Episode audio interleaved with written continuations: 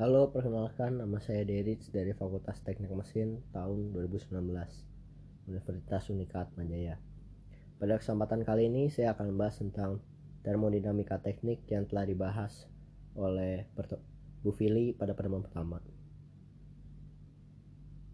Pada dasarnya termodinamika teknik membahas tentang konversi energi.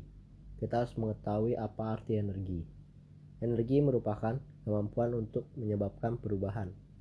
Setelah mengetahui arti energi, kita harus mengetahui apa arti termodinamika. Termodinamika sendiri ditemukan dari bahasa Yunani, yaitu term and dinamis. Term memiliki arti heat atau kalor, dinamis memiliki arti daya. Jadi termodinamika itu sendiri merupakan apa pun yang bisa mengkonversi kalor menjadi daya. Pengaplikasian termodinamika ada banyak. Contohnya itu pembangkit listrik heat exchanger atau yang biasa sering kita rasakan kalau misalnya kita sakit e, demam. Setelah itu ada istilah sistem.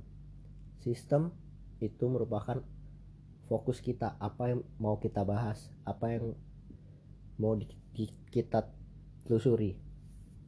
Di luar sistem itu namanya surrounding. Yang membatasi sistem dan surroundings namanya boundary atau batas. Sistem sendiri ada tiga, closed system, open system, dan isolated system. Closed system tidak ada masa keluar masuk, energi boleh masuk. Open system, masa boleh keluar masuk, energi boleh keluar masuk. Isolated system, masa maupun energi tidak boleh keluar masuk. Berikutnya ada property of a system. Property merupakan sifat karakteristik yang dimiliki dari satu sistem. Contohnya ada massa, volume, temperatur, tekanan, dan row density. Sekian, terima kasih.